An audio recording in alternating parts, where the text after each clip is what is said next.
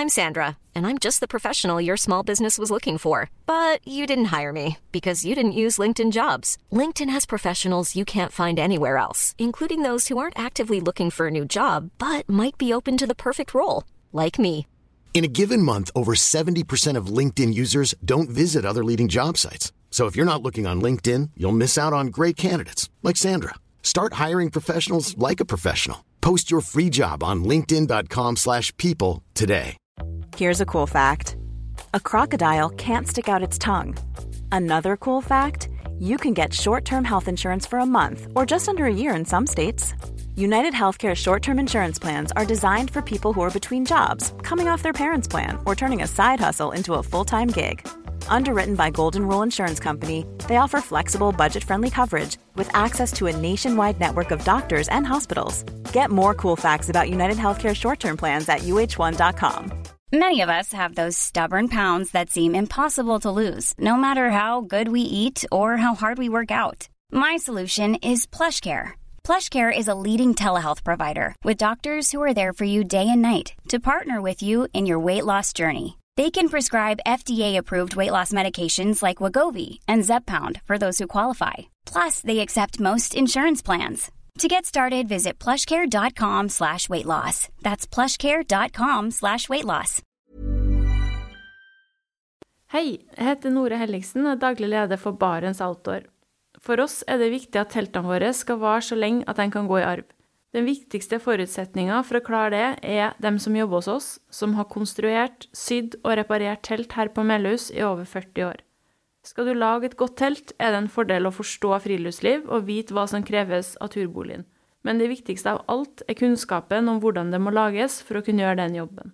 Da er det solid kunnskap om søm, tekstiler og konstruksjon som gjelder.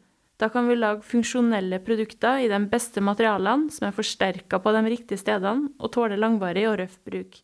Samtidig som de er enkle å reparere når skadene oppstår, for ting skjer på tur. I Barents ønsker vi å ta ansvar for produktene lenge etter vi har solgt dem. Derfor er serviceavdelinga selve hjertet i bedriften vår. De som jobber her, har en helt unik erfaring som vi også bruker når vi utvikler nye teltmodeller. Les gjerne mer om både oss og teltene våre på barentsoutdoor.no. Og husk, den første reparasjonen på et Barents-produkt er alltid gratis.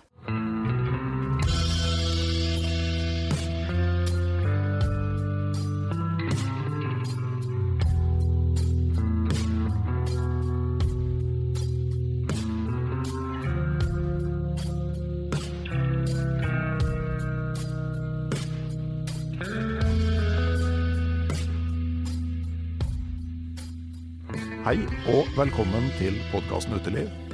Mitt navn er Randulf Valle. Denne episoden tas opp i landlige omgivelser på vestsida av Mjøsa.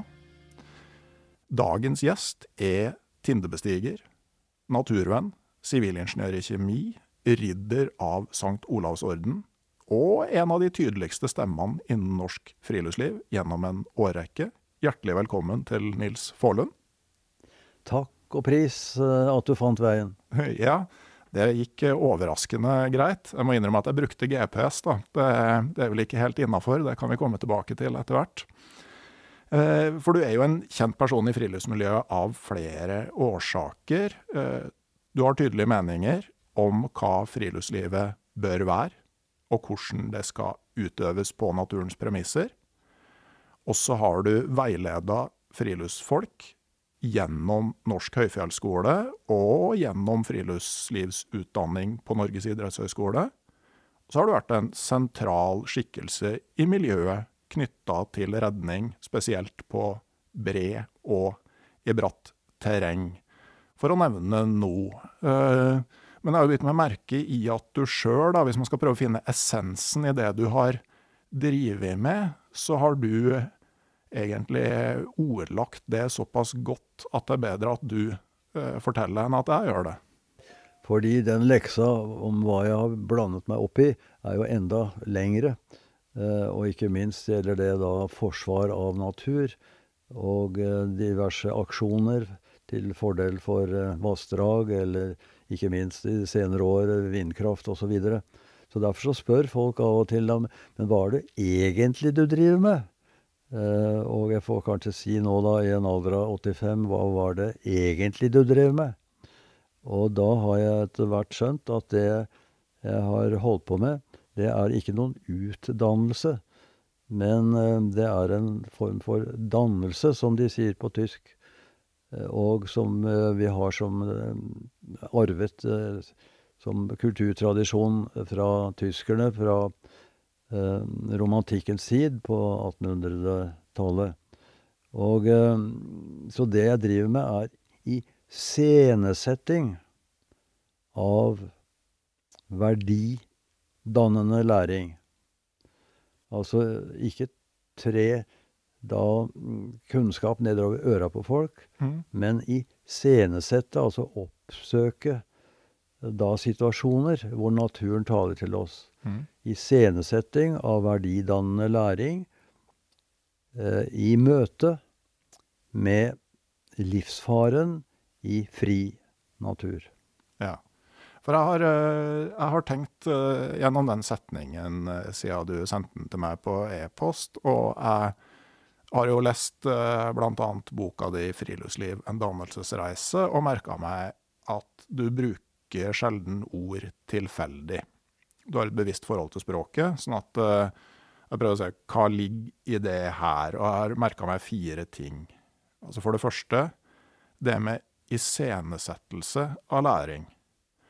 Eh, det sier meg at du velger omgivelser, aktører og situasjon bevisst eh, for å oppnå noe. Men på tross, andre punkt da, på tross av iscenesettelsen, så skjer læringa i møte med natur som er fri. Den er ikke tilrettelagt og tilpassa på noen måte. Og punkt tre, det er det her at livsfaren ligger. Naturen er ikke sertifisert, kontrollert og sikra, og læringsprosessen ligger i stor grad i å måtte forholde seg til det. Og til slutt, og kanskje det viktigste i setningen, er ordet verdidannende, fordi det sier noe om hva du ønsker å oppnå. Eh, det er ikke bare ferdigheter og kunnskaper du ønsker at uh, folk skal sitte igjen med. Uh, du vil også påvirke verdiene deres. Og verdier er et uh, Hva vil nesten si skjellsettende begrep i den tiden vi lever, og hvor mye går så galt.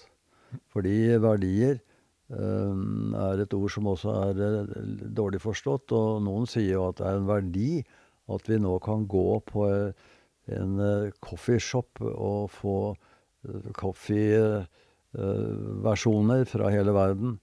Det, så galt kan man oppfatte begrepet, men det er jo rett og slett kjøl og ror for tenkning og handling det dreier seg om.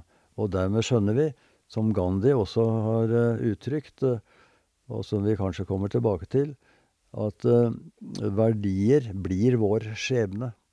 Fordi det nettopp er kjøl og ror for vår tenkning og handling. Og selv om ikke så, så mange har fått det med seg, eller skjønner hvordan det henger sammen, så blir allikevel deres verdier, som de har blitt hjernevasket til, til deres skjebne. Og, og, det er jo derfor det går så galt med oss. Mm.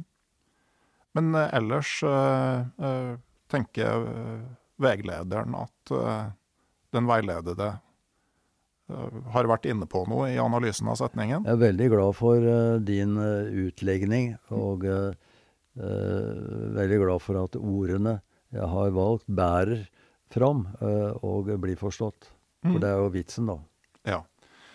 Vi skal snakke mer om det her, og det her er jo på en måte kanskje essensen i det vi skal snakke om. For jeg tenker jo at den erkjennelsen av at du iscenesetter verdidannende læring i møte med livsfaren i fri natur, det er jo et resultat av både et levd liv og mange tenkte tanker. Men før vi starter på det, så spør jeg som vanlig, har du hatt en fin tur eller naturopplevelse nå i det siste? Ja, nå er det jo slik da at uh, Jeg har eh, hatt gleden av å eh, leve livet mitt i møte med fri natur eh, som min profesjon fra 1967 og framover. Eh, og jeg har særlig hatt sansen for eh, bratt natur og eh, store høydeforskjeller. Og det har nok påført meg eh, betydelig slitasje, så jeg har to nye hofter, og så har jeg to nye skuldre. Og de fungerer eh, da friksjonsfritt og flott. Men ryggen min er også nedslitt. Og det betyr at jeg ikke kan få noen prot, noen rygg som er laget av titan. Jeg må leve med den jeg har. Og det betyr at jeg ikke kan skritte ut så mye lenger og løfte knærne så høyt. Så derfor så blir mine vandringer nå absolutt i, i nærnaturen her rundt Vestgarden Forlund. Så jeg får vel si at det er her i i, i Nettomskauen i nærheten, og, og, og blåveisvandringene som har vært det hyggeligste nå. Og, se hvordan i omegnen her til gården Forlund, hvordan det blomstrer og våren kommer. Så jeg har nok blitt litt mer beskjeden i i valg av, av vandring og, og da ferd i, i fri natur. Men, men, gleden er der, og jeg angrer ikke på at jeg har vært såpass hardhendt mot kroppen min, for jeg har så mange gode minner som jeg kan leve på. Så med korte vandringer så er det ikke bare den øyeblikkelige, det øyeblikkelige naturmøtet, som eh, gleder meg, men eh, det minner meg også om så mye annet. Mm. Ja, for at vi, vi, er jo nå her altså på familiegården Vestre Fålund ja. uh, på Toten. Uh, og det er altså her du kommer fra. Uh, og jeg tenker her, når man ser seg rundt her, så er det liksom ikke gitt at det var Tindebestiger som skulle bli eh, karriereveien din, da, for å kalle det det.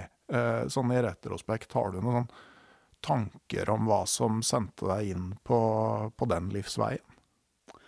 Ja, eh, for de som ikke ser utsikten herfra, så kan jeg jo fortelle at selv om Toten kaller seg flatbygd, så er det jo ikke slik. Det er mye av bygda. Den er en sørvendt skråning, delvis mot Mjøsa, og, og ikke minst mot Totenåsen og Skreifjella.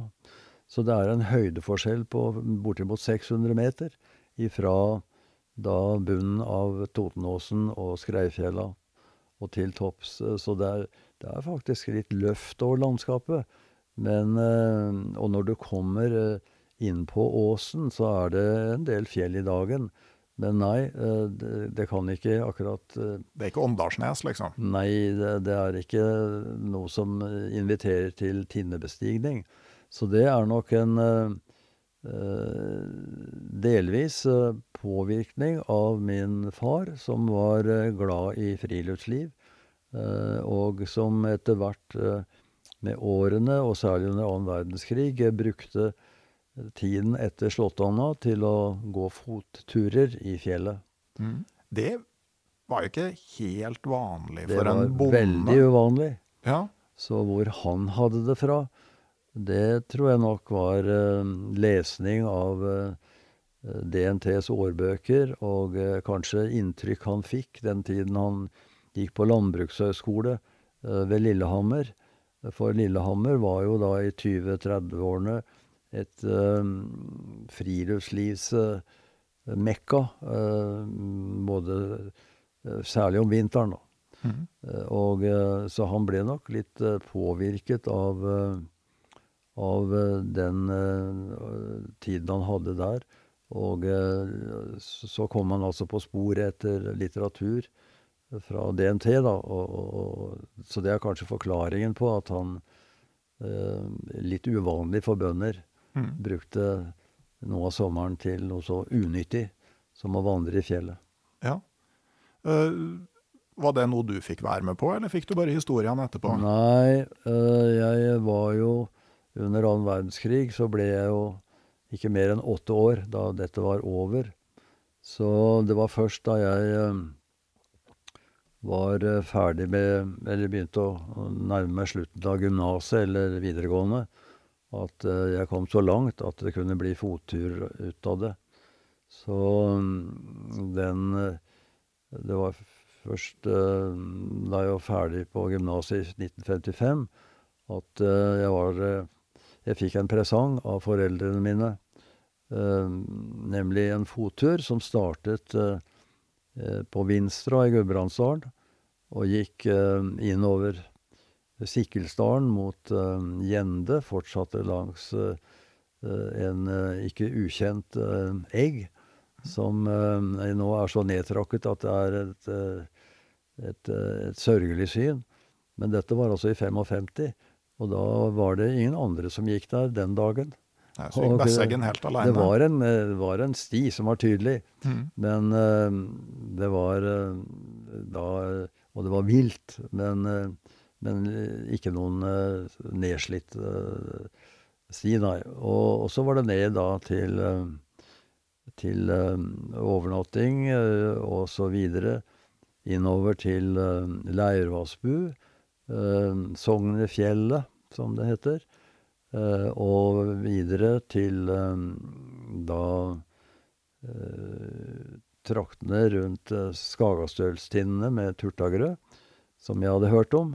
og og Skagastølstinnene, som jeg allerede da begynte å få en viss dragning mot. Men uh, aleine kunne jeg jo ikke komme dit, så jeg fortsatte ned til Vetti og ut fjorden med ferge uh, til uh, og opp Aurlandsdalen. Og ga meg ikke før jeg var på Finse.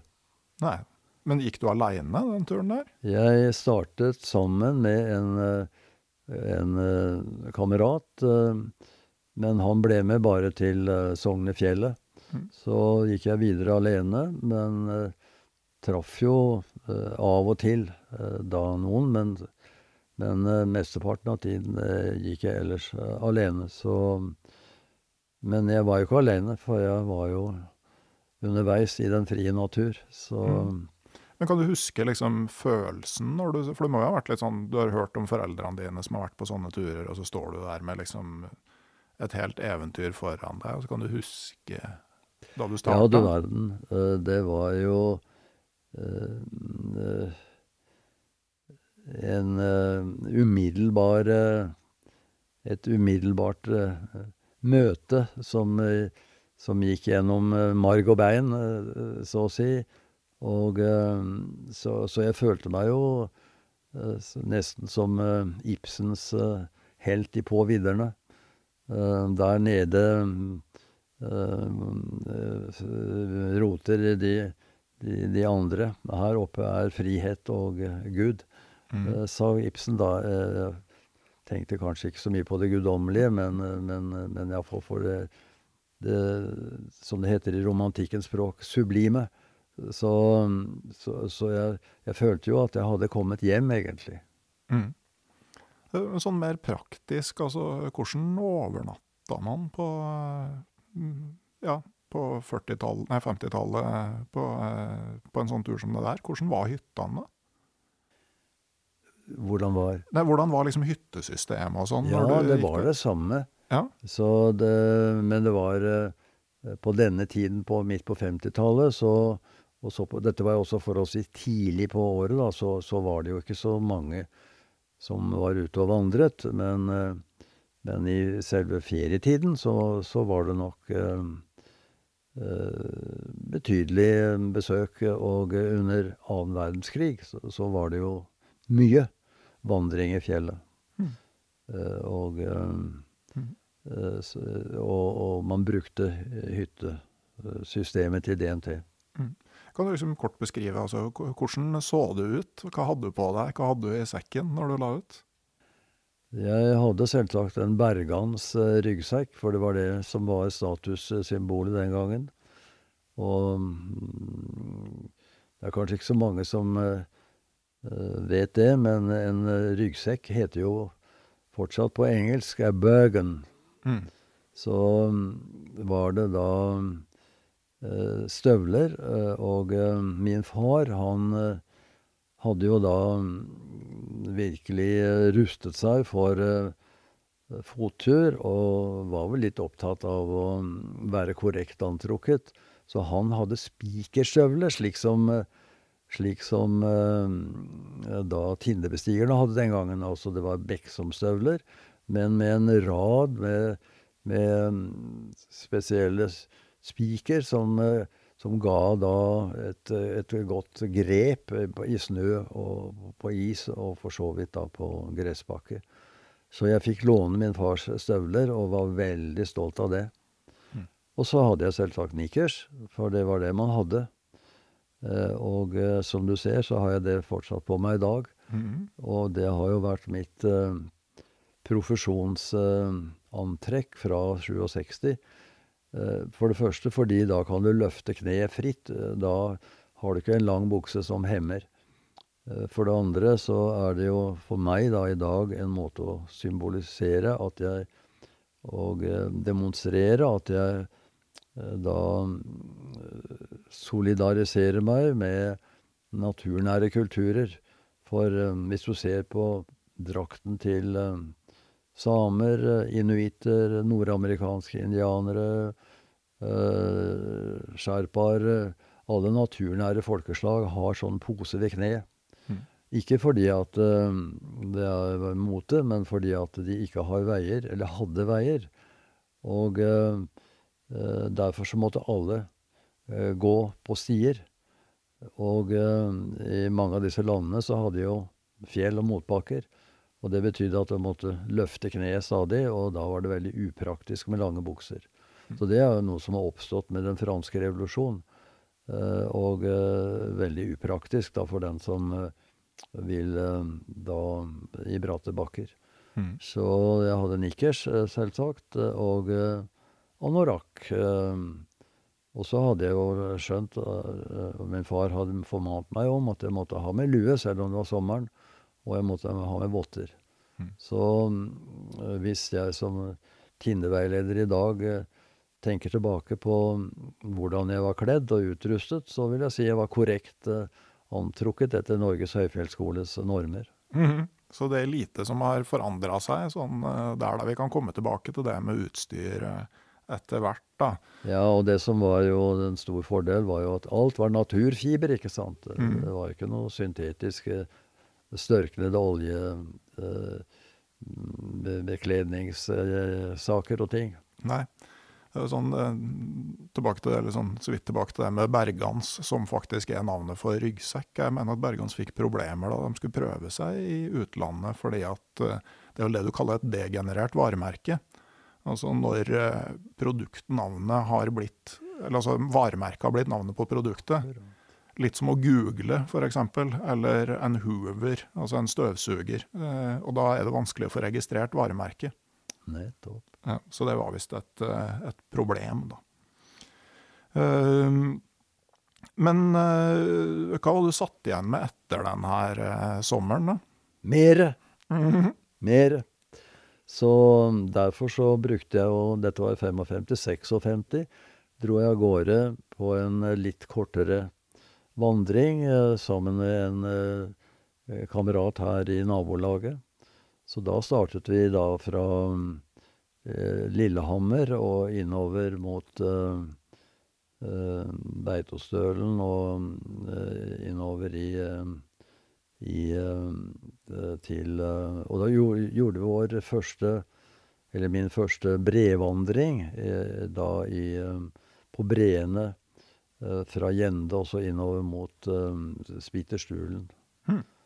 Og så ned igjen til um, i Lom og, og rutebilen hjem. Så det var en litt kortere vandring. Men, men, da hadde jeg altså kommet så langt som til å prøve meg på den første breen. Hmm. Og i 67, 57 så da var jeg jo i gang med studiene i Trondheim. Og da oppdaget jeg en dag at DNT ville ha i gang breføring på Smørstadbreen i Jotunheimen. Mm. Og de etterlyste da to studenter som kunne tenke seg uh, dette. Og jeg meldte meg jo øyeblikkelig, og var så heldig å bli en av de to. Så den sommeren 57 gikk jeg da att og fram over um, Smørstadbreen uh, i åtte timer, minst. Uh, og det var stadig folk som ville være med, på, for dette var første gangen at det var brevføring i Jotunheimen etter krigen. Mm. Og eh, da eh, hadde jeg jo anledning, selv om det var mye vær den eh, sommeren, så så jeg jo tinnene av og til. Og tenkte jeg vil jo forhåpentligvis få en fridag hvor jeg kan komme meg opp på store Smørstadtind og, og, og, naboer. Mm. Og drømte om å komme tilbake til Skagastølstinnene og komme meg opp på store Skagastølstinn. Mm. Og, men den sommeren var det så mye vær at um, tindebestigerne som bodde på Tineklubbens Tinneklubbens hytte i, i Horungane, de kom til um, Sognefjellet for å være med meg over breen. Ja. Og da uh, ymtet jeg frampå om at jeg godt kunne tenke meg å få være med en tur på stolen. Jo da, det var ikke noe problem, det var bare å komme, det. Men det ble aldri noe av det da pga. værforholdene og fordi at jeg hadde nok å gjøre. Nei, så da hadde jeg nok fått uh, dragningen mot uh, ikke bare breene, men også mot tindene. Mm. Men samtidig så har du altså begynt på Norges tekniske høgskole. Og det skjedde da i høsten 1956. Ja. Hva var det som gjorde at du dro dit? Ja, det igjen var det min far som da ansporet meg. For jeg har jo tilfeldigvis blitt født inn i et dynasti av brennerimestere. Mm. Så min oldefar var brennerimester på Bilit brenneri, som var av Norges eldste brennerier fra 1840-tallet. Og min bestefar var brennerimester, og min far. Mm. Men min far, han var en ganske moderne tenker. Og han hadde skjønt at i fremtiden så ville det ikke være tilstrekkelig å gå i lære som brennerimester hos sin far. Jeg burde nok bli sivilingeniør. Så det er derfor du starta på biokjemi, Akkurat. altså for å lage akevitt? Akkurat. Så han mente at det var biokjemi og mikrobiologi jeg skulle studere. Ja. Og han var en frem, fremragende coach, så, for han hadde jo skjønt at det var et veldig trangt nåløye å komme inn på NTH den gangen. Og når han greide å motivere meg da, for å være flink på skolen, og det var jeg. Mm. Men jeg tenker sånn Da befinner vi oss omtrent midt på 50-tallet. Det er ti år siden krigen slutta. Ja. Det er vel Gerhardsen som sitter ved roret. Det er det. Og landet skal bygges, gjenoppbygges, industrialiseres. Nettopp. Og jeg ser for meg at NTH er jo liksom elitedivisjonen i det arbeidet her. Er det noe som man på en måte Kan du si noe om liksom stemninga ved Norges tekniske høgskole i de miljøene der? Ja, bare det å bli komme innafor og kunne kalle seg for, kalle seg for Stud Tekken, Mm. var jo stort. Og det var jo ikke få studenter som hadde et visittkort hvor det sto Stud Tekken. Jeg hadde også det. Og så det Det var jo Vi var jo såpass stolte av å ha kunne titulere oss på den måten at uh, linjeforeningene uh, som eksisterer en dag i dag, og som du òg kjenner til, de behandlet førstereisegutter, det var mest gutter, da. Av 90 kjemistudenter den gangen, så var det to jenter. De ble behandlet, eller vi ble behandlet ganske brutalt Eh, for at vi skulle da ikke bli for høye på pæra. Eh, så en av de metodene som ble brukt, det var å stenge folk inn i en kasse. Og, og, og så adressere dem til hjemstedet, og så dra på jernbanestasjonen for å få sendt studentene studenten hjem. Såpass, ja. Såpass. Ja. Så, det var hakket mer nei, brutalt det, enn de opptaksprøvene vi måtte gjennom. Nettopp. Og da Høyfjellsskolen fikk i oppdrag å drive klatrekurs for krigsskolen i 67, så uh, inviterte skolesjefen meg, uh, oberst uh, løytnant Tønne Huitfeldt, til å presentere et program, og det gjorde jeg. Og han så på det og sa ja, dette er utmerket, men her mangler det én post. Det skal vi komme tilbake til, for den posten het nemlig evaluering.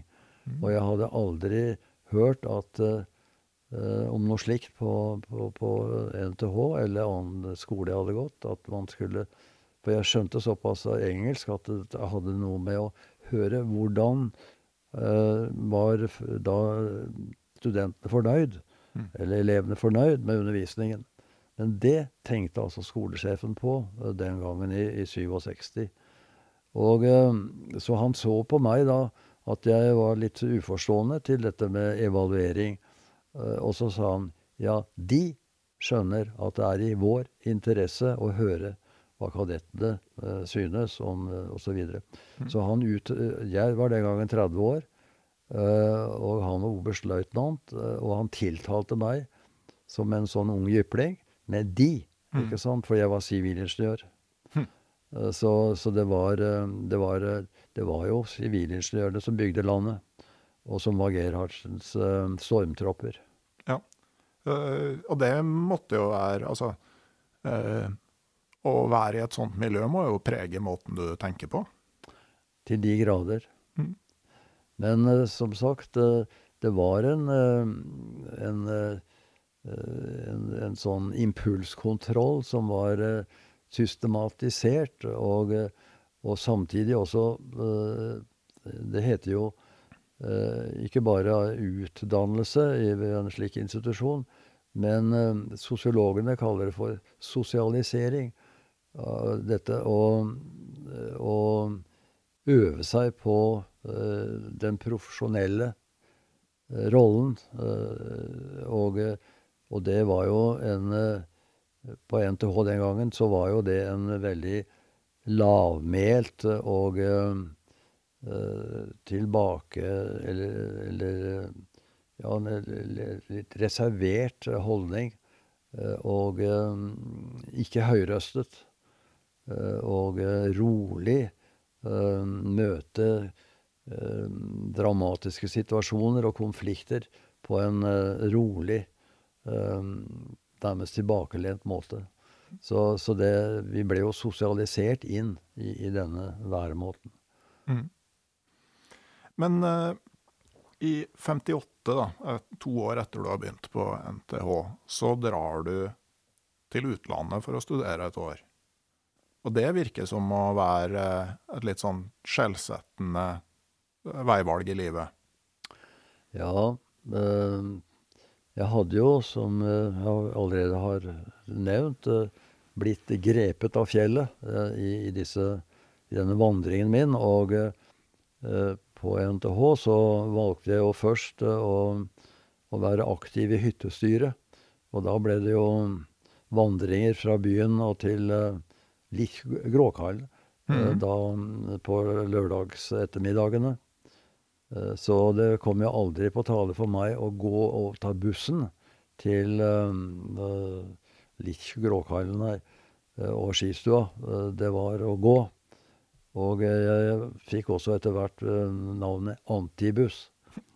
Eh, og, eh, Men det var litt for snevert med Selv om Gråkallen var litt høyere, så, så, ble det litt for snevet med Bymarka. Så jeg ble straks Jeg gikk over til koiestyret og til å besøke koiene som NTHI hadde rundt omkring i fjelltraktene. Ja, de er jo der den dag i og Ja, De er den dag i dag. Et stort hyttenettverk som NTNU-studentene bruker mye, som jeg har brukt. Det er jo et stort aktivum. Ja. Og eh, vi hadde bare tre vi den gangen, men jeg var med å bygge den fjerde, nemlig Fosenkoia. Mm. Og det skulle jo da bli et sted hvor Tinnegruppa holdt til, for der er det jo en del eh, fjellpartier og bratte fjellvegger. Så det var eh, og, og, når du da tar eh, jernbanen mot svenskegrensa, eh, så kommer du opp i, i retning Sydlandet. Og der er det jo ordentlig fjell, kan mm. vi si. Så, så der hadde jeg jo blitt tent på dette her med, med, med fjell, og også på vinterføre. Eh, så, eh, så det begynte å ane meg at egentlig så var dette med sivilingeniør ikke eh, mitt første ønske. Egentlig ville jeg bli tindebestiger. Ja. Og det var jo det som var uttrykket, begrepet, den gangen. Og fordi at min far også var Skal vi si kulturbevisst, så abonnerte vi på Morgenbladet. Og eh, der var det jo en del eh, omtale av, uh, av fjell, og en kjent filosof blant fjellklatrere var og, og er Peter Wessel Zapfe. Mm. Så jeg tror nok at da denne Eh, at jeg hadde fått litt grann eh, inn med morsmelken eh, denne beundringen for, for tindene. Men, men det var vel viktigere at jeg hadde selv etter hvert vært såpass mye i, i norsk høyfjell og vandret over breene og sett opp til tindene. Så alt dette det, det, det, det ble såpass sterkt at jeg eh, tenkte hvordan i all verden skal jeg få til dette her? Og så ville skjebnen da at en dag så sto det et oppslag eh, igjen eh, som eh, interesserte meg, nemlig eh, en student var invitert til å komme til et studieår ved Den tekniske høgskolen i Hannover. Eh, det er jo på flatbygda i Nord-Tyskland. Men jeg tenkte som så at hvis jeg først får det stipendet Og jeg skjønte jo at jeg kunne egentlig ikke fortsette studiene mine der. Fordi at um, de hadde ikke uh, det samme studieopplegget. Men om, så mye bedre, synes jeg, fordi det var et romslig stipend, og da kunne jeg gå i lære som tindebestiger. Eh, der som de snakket fjellsspråk. Og eh, jeg trodde vel at Og jeg visste jo at alle de store byene i Tyskland hadde jo underavdelinger av Deutsche Alpen, Ferrein. Og, så der ville jeg sikkert finne noen mestere som jeg kunne gå i lære hos, og, og slik ble det. Så, så, det var jo en, en skjebnens uh, Eh, gave til meg eh, som eh, Og min far, han var vel ikke bestyrtet over dette, da, fordi at det var jo ikke Det var jo egentlig en, en utmerkelse, det å få et sånt årsstipend til en, til en utenlandsk høyskole, selv om det var tysk. Mm -hmm. Så var jeg jo veldig spent da på om min uh, søknad var god nok. Og så viste det seg at det var én søker. Oh, ja. ja, dette var, som du var inne på, ikke så lenge etter krigen. Ja. 13 år. Og hvem var det som ville rote bort et år av livet sitt, eh, som senere kunne bli til et år med, med gode inntekter?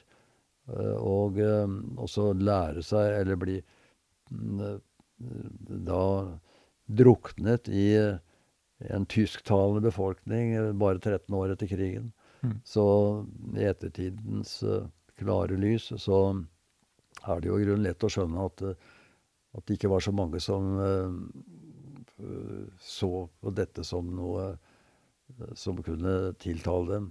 Men for meg så var det altså en, en lykke å kunne gripe denne muligheten. Og, og det klaffet jo også godt, fordi at jeg traff på mestere der som senere har blitt store navn i tysk tinnebestigning.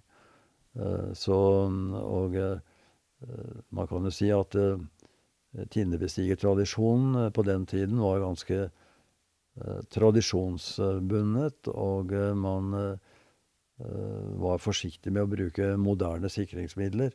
Men jeg råkte borti en par av de som da var med i, i fremste rekke der. Så, så, jeg fikk ikke bare en innføring i den tradisjonelle tinnebestigerformen, men også den moderne uh, fjellklatreformen med bruk av uh, bolter og, uh, og klatrestiger, og med muligheter altså til ikke bare å klatre der som det var da skal vi si menneske, menneskelig mulig å, å, finne tak for armer og bein, men hvor du da kunne da gå også der fjellet var overhengende. Mm. Det er det man i dag kaller teknisk klatring? ikke sant? Når ja, det, det ble jo kalt det den gangen også. Ja.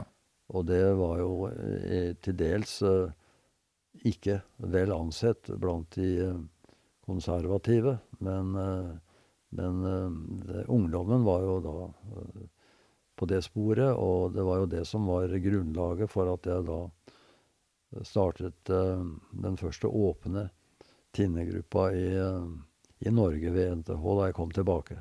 Mm.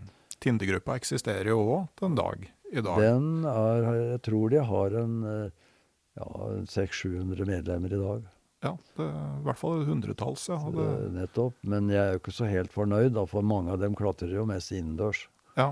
Og andre, de uh, har med seg uh, sånne uh, boremaskiner og Istedenfor å finne sprekker i fjellet til boltene, så, så, lager de hull i, i, fjellet og har med seg sånne slipemaskiner for å fjerne alt som er av liv.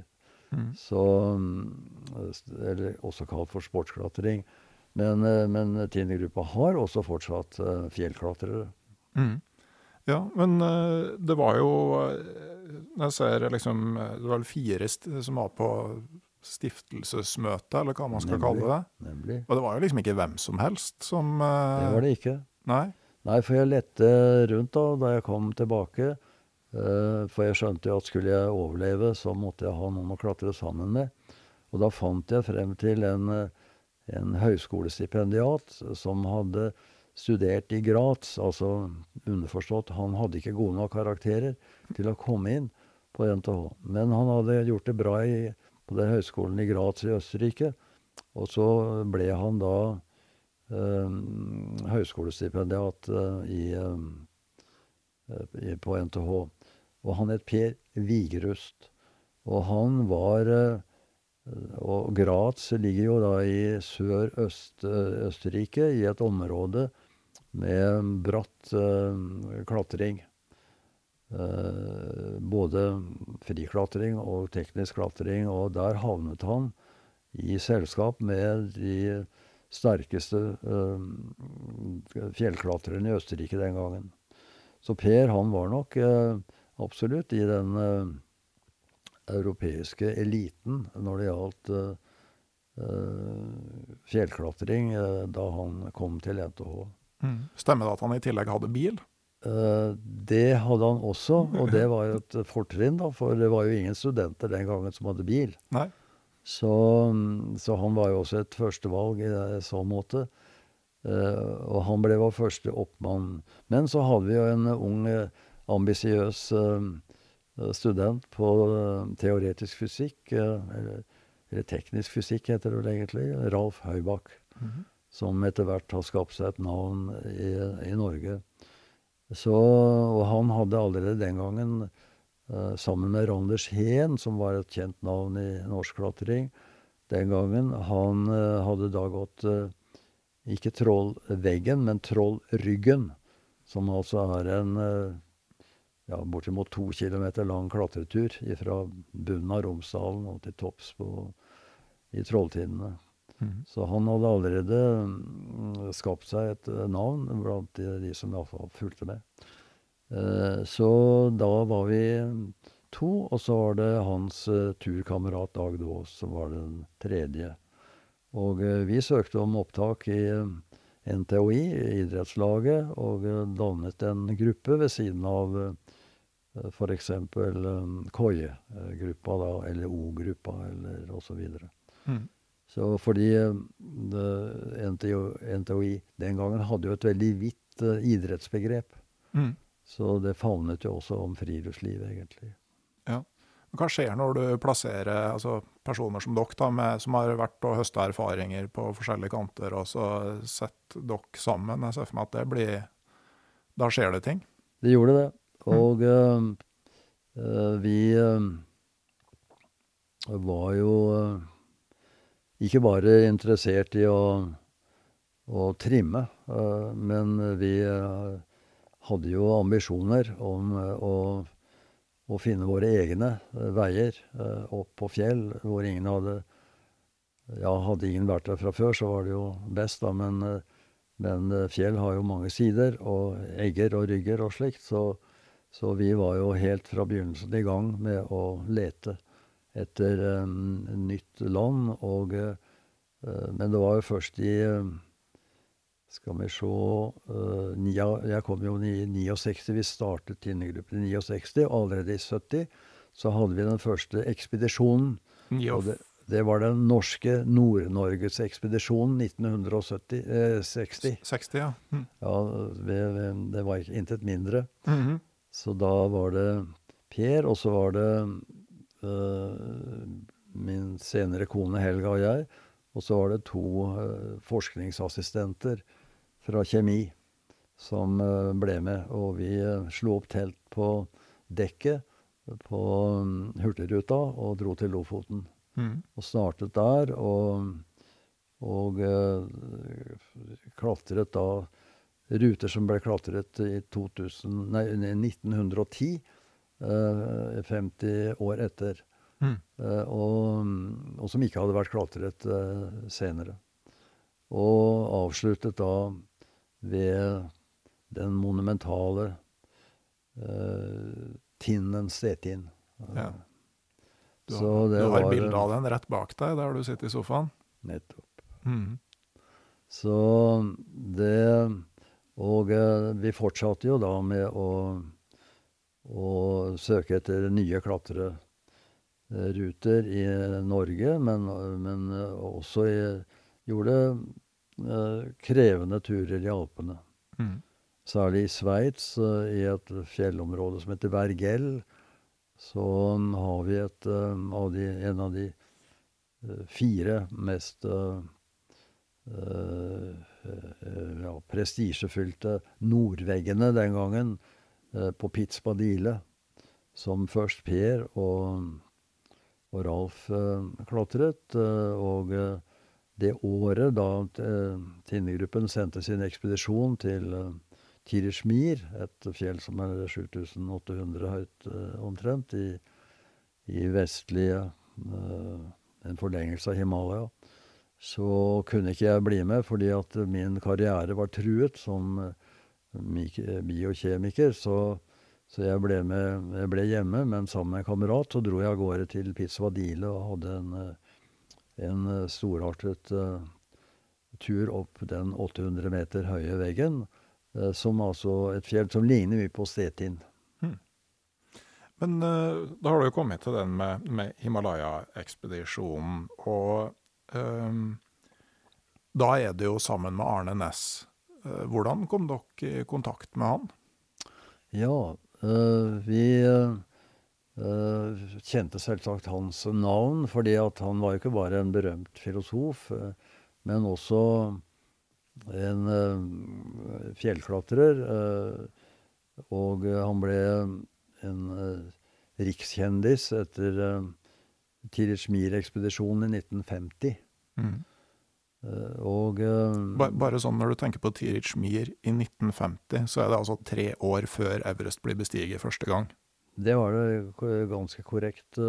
Så den gangen så var det jo et kappløp om å komme opp på den første 8000 meter høye toppen. Mm. Og engelskmennene de startet jo det kappløpet allerede i 1921.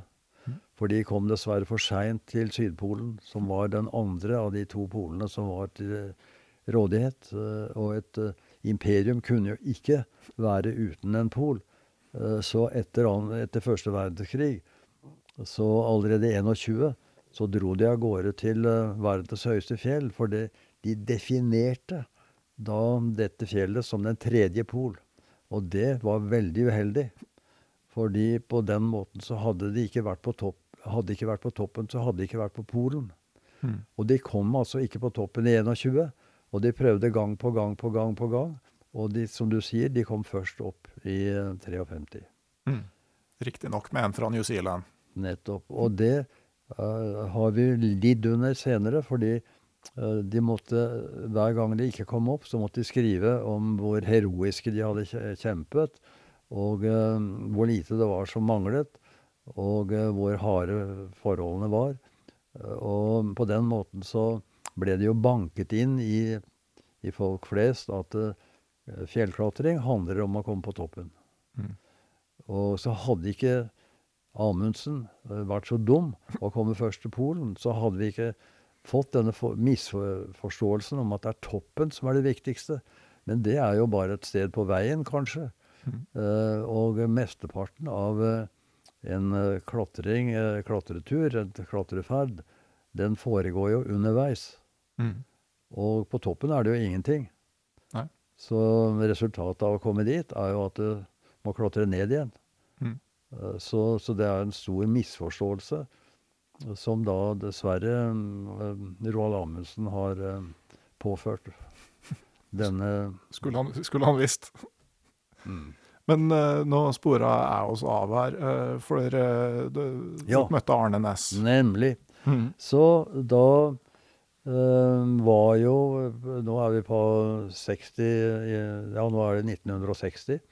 Og den gangen så var det jo ikke noen TV i Norge. Og ikke noen sosiale medier. Så, men vi hadde to talerstoler i Norge, nemlig Studentersamfunnet i Oslo og i um, Trondheim, som var de store uh, scener uh, for uh, kulturell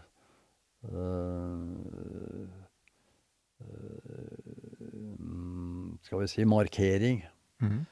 Og Arne Næss ble selvsagt invitert. Og den høsten uh, eh, 1960. Og da var det jo en del ambisiøse unge studtekner, som da Eller studkjemmer. som da mm, stilte opp og hadde lest litt Arne Næss og hadde intelligente spørsmål. Men vi i Tine-gruppa, de fire som vi har nevnt, vi hadde ikke noen intelligente spørsmål, men vi gikk opp til professoren og spurte om han ville være med oss på Ladehammeren eh, på søndag og klatre.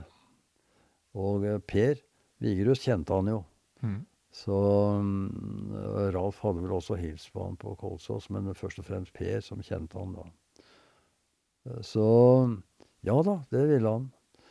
Og da kom han da i dress og slips og og eh, spasersko. Eh, men det gjorde ingenting, fordi han brettet opp Han tok av seg skoene og klatret barbent. Og så brettet han opp eh, buksebena. Og tok av jakka, løste slipset og ble med og klatret. Så da var han sånn eh, ekstramuralt eh, medlem av gruppen vår, da. Eh, sånn eh, Sånn Og på den måten så, så var han en av oss. Mm. Og, og, da jeg senere da gjorde militærtjeneste i, delvis i Oslo på Forsvarets byggetjeneste. Jeg var Forsvarets vann- og kloakkekspert, for jeg var tross alt sivilingeniør med bakgrunn i mikrobiologi og biokjemi. Mm. Så var jeg mye og besøkte Arne eh, på universitetet, og vi var også Det forekom også at vi møttes på Kolsås. Eh, og eh, så, så, på den måten så, så ble altså Arne en, en, del av oss, og da det ble snakk om å dra til Tirishmir, altså var Arne med. Og eh, så Eh, var det slik at eh, Arne Næss eh, og hans berømmelse i Norge, den strakte seg også ut i Europa og Nord-Amerika. Fordi han ble Han fikk et oppdrag fra FN. og det gikk ut på å, å lage en slags skisse av et fremtidssamfunn uten krig. Mm. Intet mindre. Mm. Og det er ikke så veldig godt kjent at han, eh, at han, hadde det oppdraget. Og da var han særlig opptatt av uh, Gandhi og Gandhis filosofi. Ikke noe rart, fordi Gandhi han greide jo med ikkevoldsmetoder å fravriste det engelske imperium India. Uh, som jo er et helt kontinent med en milliard mennesker omtrent.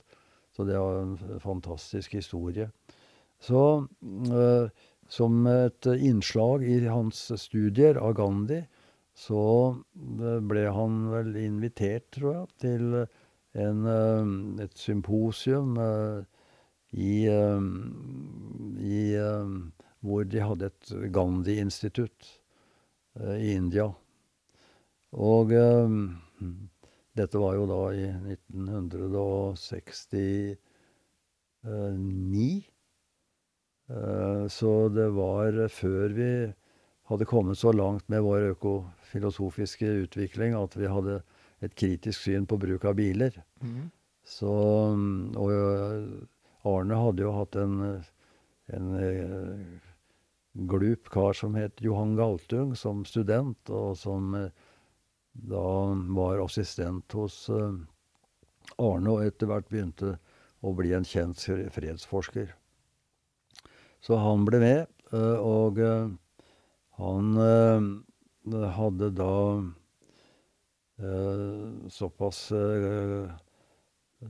god råd at han hadde kjøpt en, en Citroën, sånn siste modell Citroën den gangen, som eh, hadde fjær, et slags fjærsystem, sånn luftsystem, hvor du kunne løfte bilen så du fikk større bakkeklaring, og en, en veldig sær og typisk Citroën fransk konstruksjon. Så eh, Arne eh, Johan og med en mekaniker ved navn eh, Sigmund Kvaløy, som var student hos Arne. De satte seg i denne bilen i Oslo og reiste da til, eh, til India. Og det ble en ganske eh, dramatisk eh, biltur. Ja, det kan jeg se for meg. Altså sånn i overgangen 60-70-tallet gjennom Øst-Europa, akkurat hvor de legger ruta videre, om det er Tyrkia og altså, Det er jo ikke de stilleste og fredeligste delene av verden. Nei, for all del. Eh, det var ikke det den gangen, og ikke minst eh, er det jo ille nå eh, mm. i Afghanistan, for de reiste jo bl.a. gjennom Afghanistan. da. Mm. Så eh, Sigmund og særlig da, har fortalt mye fra den, den eh, reisen. De kom seg levende fram eh, til India. Og på hjemturen, da, så hadde Arne fått det for seg at eh, sherpaene var et folkeslag som det også var mye å lære av når det gjaldt eh, fredsommelighet. Og eh, ikke bare at de var eh, veldig fredsommelige eh, og eh, var ikke-voldelige, for de, var jo kjent for at de ikke drepte dyr, men de, de ventet til de døde, og så spiste de dem. Og de var kjent for å ikke hogge ned trær. De ventet til, til stormen tok trærne, og så kunne de bruke det til taktekking og møbler og slikt. Hm. Så Arne ville gjerne bli litt mer kjent med dette folkeslaget. Så på veien tilbake da, så tok de fly uh, veien og til Katmandu. Og så bodde de en uh, ukes tid i uh, fjelltraktene rundt Katmandu med utsikt mot alle de store 8000-meterne. Men det, det, fjellet som er nærmest, og som ser ut som det er det høyeste fjellet sett fra Katmandu-traktene, det heter Gaurishankar Eh, på indisk, eh, eller tseringma eh, på sherpa tibetaneres språk. Og så Arne festet seg særlig ved det fjellet og tenkte at hm, dit hadde vært fint å ta turen. For han hadde også funnet ut at under det fjellet så var det en landsby eh, som var befolket med sherpaer. Eh, så da eh, Og Sigmund var jo straks fyr og flamme og ville være med på dette her. Og ettersom Sigmund og jeg da var eh, kamerater fra skihopping på Totenåsen før vi møttes på Eidsvoll landsgymnas, og der bl.a. vanket sammen i Eidsvoll landsgymnas Jazz Society, og var på alle de store jazzkonsertene i Oslo på begynnelsen av 50-tallet. Der var de alle sammen. ikke sant? Oscar Peterson og uh, Ella Fitzgerald og um, um, Ja, alle de store navnene. Uh, og vi bodde jo på Eidsvoll, så vi kunne jo ta toget inn. Og sparte og spinket, og, og satt på første benk på Coliseum og, og trampet takta. Og og stormet eh, scenen etter eh, konserten og sikret oss eh, autografer og snakket med gutta. Mm. Så det var Eidsvoll Landsgymnas Jazz Society. Så Arne da, kom, da de kom hjem da, til uh, Norge, så tok de kontakt med meg. Og jeg var jo etablert som uh, lederen for Norges høyfjellsskole, og hadde også etter hvert fått en, en uh, Eh, stor offentlig oppmerksomhet. Så de uh, foreslo at vi skulle dra av gårde, og uh, da var jo jeg straks med, for da var det ikke noe fare med at jeg risikerte min uh, professorkarriere i biokjemien. Snarere tvert imot. Det ble jo nesten Snarere som et forskningsopphold i utlandet. der. Nettopp. Så, så, jeg tok meg av alt det praktiske med utstyr og, og så videre. Og så skulle vi dra da i 1970. Men i mellomtiden hadde Sigmund da funnet ut at, uh, at han ville da gi sitt bidrag til å stoppe vannkraftutbyggingen, slik som meningen var med Norges høyfjellsskoles virksomhet. Så, og da dro han i gang et uh, universitetsseminar om uh, natur og menneske, som forberedte da det som skulle bli Mardala-aksjonen. Mm. Eller den første store ikke-voldelige aksjonen til eh, forsvar av eh, norske vassdrag. Eh, så derfor så kunne vi ikke reise da høsten 1970, fordi at Mardøla-aksjonen den, den var riktignok over, men ikke selve prosessen med å, å, det politiske etterspillet. Mm. Så derfor ble vi enige om å dra i 71. Mm. Så det, hensikten med det var altså i Arnes uh, sammenheng dette med å studere sherpa-kulturen som en ikke-voldelig kultur, som samtidig var uh, ytterst naturvennlig. og, men vi var alle tre også oppbrakt over den måten som ekspedisjoner fra Europa, USA, Japan for fram på, i forsøkene på å bestige disse 8000 meter høye toppene. For de dro jeg av gårde med 500-600 bærere og eh, flokker med, eh, med kløvdyr, eh, kalt for jak. Og, så de for jo fram omtrent som en, en militær angrepskolonne. Og, og, bare det at de trengte så mye mat som de da Eh, kjøpte på, i disse små eh, skjærpålandsbyene, var jo en, eh, en urimelig påkjenning på, på disse på, på, livsvilkårene deres. Men, men de, de, brente jo opp mye skog. Og, og, her beveget de seg jo dag etter dag i skoggrensen. Så, så, så dette var Eh, og du hadde denne her eh, militære organiseringen med seier og nederlag, og vaier, svinge med flagget hvis du kom opp. Og ikke nepalesernes flagg, da, men nasjonens flagg. Så dette var samtidig en uh, ekspedisjon som vi uh, kalte for en anti-ekspedisjon, hvor vi ville markere at dette måtte få en annen stil. Og eh, ettersom Arne hadde pekt ut det mest eh, hellige fjellet i Himalaya, Teringma, så ble det også veldig snakk om å da, sørge for at ingen kom til topps på det fjellet. Mm. Så, så, det var også et uh, mål med denne Eller en hensikt med å, å, dra til Himalaya den gangen. Men samtidig så var jeg da ivrig etter at vår uh, måte å ferdes på den skulle da være mest mulig eh, naturvennlig. Så vi, vi, skulle ikke bruke bolter som vi banket inn i fjellet. Men vi skulle bruke det som var det siste nye, nemlig eh, mutter og kiler, som vi da kunne putte inn i sprekker i fjellet. Og eh, vi skulle heller ikke bruke sherpaene som eh, høydebærere, men vi skulle bruke sherpaene som våre tur, eh, klatrekamerater.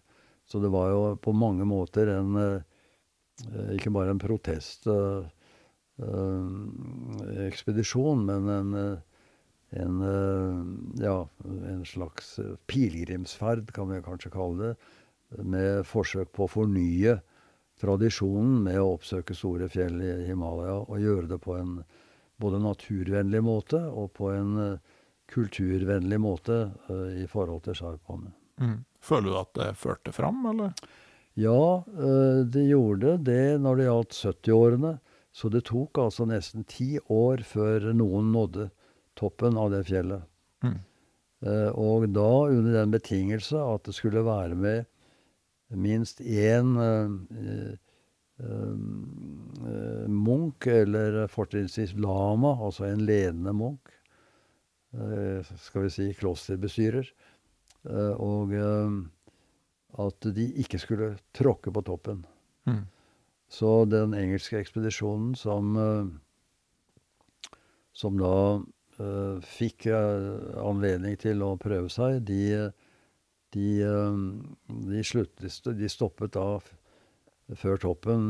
Selv om det ikke var mer enn 50 meter, så var det iallfall Eh, respekterte de da eh, toppen. Så kan man lure på hvorfor er eh, høye fjell hellige i, i buddhismen og, og, den tibetanske buddhismens forstand. Og det henger nok sammen med at fjellene er dekket med evig is. Og dette er jo land som ligger i, har nærmest tropisk klima. Så i lavere strøk så blir det veldig tørt om sommeren. Så uten vann fra fjellet så blir det ulevelig for mennesker. Mm. Så, så, det er jo en Det, er, det ene er symbolet på dette opphøyde og guddommelige, men, men det er også rent praktisk en forutsetning for liv i, i, i disse strøkene. Ja, og det, det, er jo ikke noe Du, du kan jo finne igjen det her i andre kulturer òg. Altså, jeg vet på New Zealand så er jo ja. Sånn som vulkanen i Tungariro er jo kjent som hellig. og, og Eh, og Mount Cook, eh, høyeste fjellet på New Zealand, der er det sånn i dag òg at det ikke regner som god kutyme å klatre så høyt at du får hodet høyere enn toppen. Nei da, og uh, i Australia så har de jo hellige fjell. Mm. Og det har de jo også i, i, Norge, ikke sant. Samene har jo hellige fjell. Mm. Så Og det har vel også vært en viss beundring for, eh, for fjell i, eh, blant nordmenn også, men, men, men, det har vel holdt seg innenfor grenser, så nordmenn har mer hatt en, en respekt og en redsel for, for, store, bratte fjell, fordi de representerer snøskred og steinsprang og og så er, er, det jo ikke dyrkbart. Det, det, det ikke, du kan ikke utnytte det. Nei. Nei. og det er jo litt sånn med språket, ikke sant? at styggbreen under Galdhøpiggen altså Det handler jo ikke om at den ikke er estetisk, men at stygg òg er et synonym for farlig. Nettopp. Mm. Og tilsvarende har du på Sunnmøre eh, også, eh, eller Vestlandet, at eh, det at et fjell Ja, du har det jo også til og med i, i forbindelse med et så vakkert fjell som Stetin at uh, da Slingsby, som jo er kjent som uh, norsk tinnesportsfar, som det heter uh, Da han så det fjellet, så sa han 'The ugliest mountain I ever saw'. og han hadde lært seg å se på fjell sånn som nordmenn. så stygge fjell var altså ikke de, de var vakre, men det var unyttig og farlig. Mm. Og uh, udyrkbart. Og derfor så, så heter det også i, uh, om, om, om Brattefjell at de er stygge. Mm. Bare kort òg, vi hoppa vel egentlig litt over den, den ekspedisjonen, Tirishmir-ekspedisjonen. Men den, der var ikke du med, du var med på logistikken? Nemlig i 64, av hensyn til min karriere, så uh, holdt jeg meg hjemme. Mm. Uh, Og uh, dro altså en tur til Alpene. Og, uh, men jeg konstruerte viktig utstyr for, uh, for, ekspedisjonen. Og det er kanskje ikke så mange som har fått med seg at jeg som har vært så kritisk mot syntetfiber, laget Norges, ikke Norges, men verdens første ryggsekk. Anatomiske ryggsekk for klatreformål. Eh, i en, veldig vakker buddhistisk rød uh, syntetduk, uh, eller nylonduk. Mm. Og remtøyet var også konsekvent av, av syntetfiber. Mm. kalt for Bergans alpinist. Ja. Så den var jo I 66 ble den produsert av Bergans. Den ble først laget av Bjørka, et lokalt firma i Trondheim, for ekspedisjonen til i 64. Men da jeg flyttet til uh, Landbrukshøgskolen og utendørs uh, mikrobiologi i skogen, så, så, tok jeg kontakt med Bergans og, og fikk uh, laget denne ekspedisjonen. Jeg laget også det første teltet i Europa, kanskje, i syntetfiber, til denne ekspedisjonen. Mm.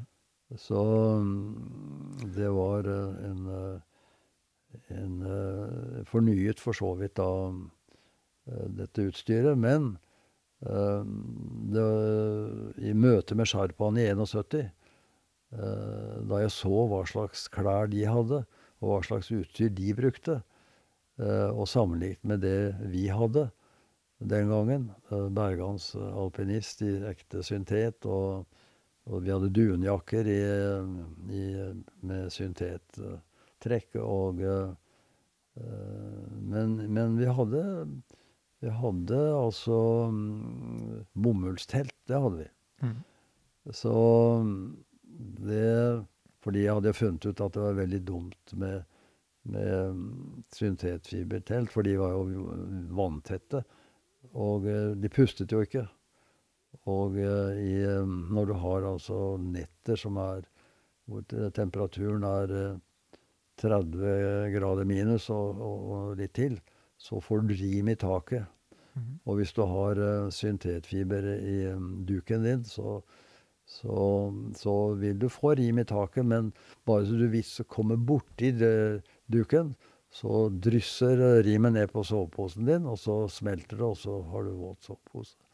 Så det, det, fant jeg raskt ut at det var en, en dårlig idé. Men eh, ellers, så fra 72, så, så gjorde jeg da helt om. Og da la til side det jeg hadde av syntetfiber, og gikk over til naturfiber. Og det har jeg holdt på med senere. Så i 50 år har jeg vært en terrier i buksebeinet på produsenter av slikt utstyr. Det skal vi komme Men til. Ja. har du fått med deg hva EU nå har funnet på? Ja, jeg har jo skjønt at det er et sånn tekstildirektiv eh, Ikke bare direktiv, men det er et lovutkast okay. som skal forby enhver å kjøpe klær av syntetiske fiber.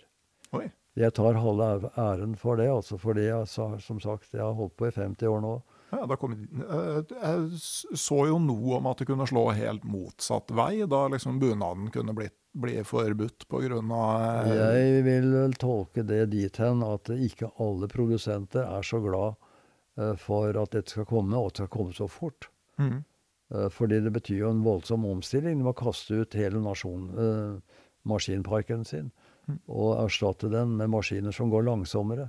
For det har jo vært et problem, ikke sant, at eh, syntetfibrene de har større strekkfasthet, eh, strekkfasthet, så du kan kjøre maskinene fortere, altså kan du produsere billigere. Mm. Men uh, nå blir de altså tvunget til å kjøpe maskiner som går langsommere. Eh, Eller iallfall om eh, bygge dem om. Uh, For, og da- det betyr jo også at eh, kostnadene ikke bare blir eh, store for investeringer, men, men også produktene blir dyrere. Mhm. Men en siste ting med, med Tirich Mir, da, for jeg tenker altså på antiekspedisjonen til Cheringma, så var da ikke helt til toppen. Eh, Tirich Mir så var vel en sånn ganske spesiell ting det at man valgte seg den vanskeligste ruta til topps. Ja, fordi da, i 64, så hadde jo alle eh, 8000-meterne blitt nedkjempet eh, av eh, de forskjellige nasjonene, hadde sikret seg en topp eller to. Eh, og eh, her hadde vi jo en konkurransebevisst mann som eh, Ralf Høybakk på laget. Og Ralf mente at man måtte da prestere noe som ingen andre hadde prestert. Og det var da å velge en vanskelig vei opp. Uh, direkte vei, en elegant klatremessig vei opp til toppen uten eh, og, og, å ikke lure, lure seg unna ved å også gå en, den letteste veien.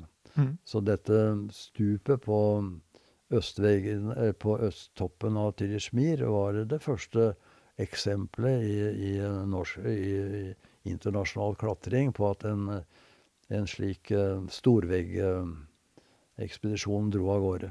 Mm. Og de kom seg også til topps.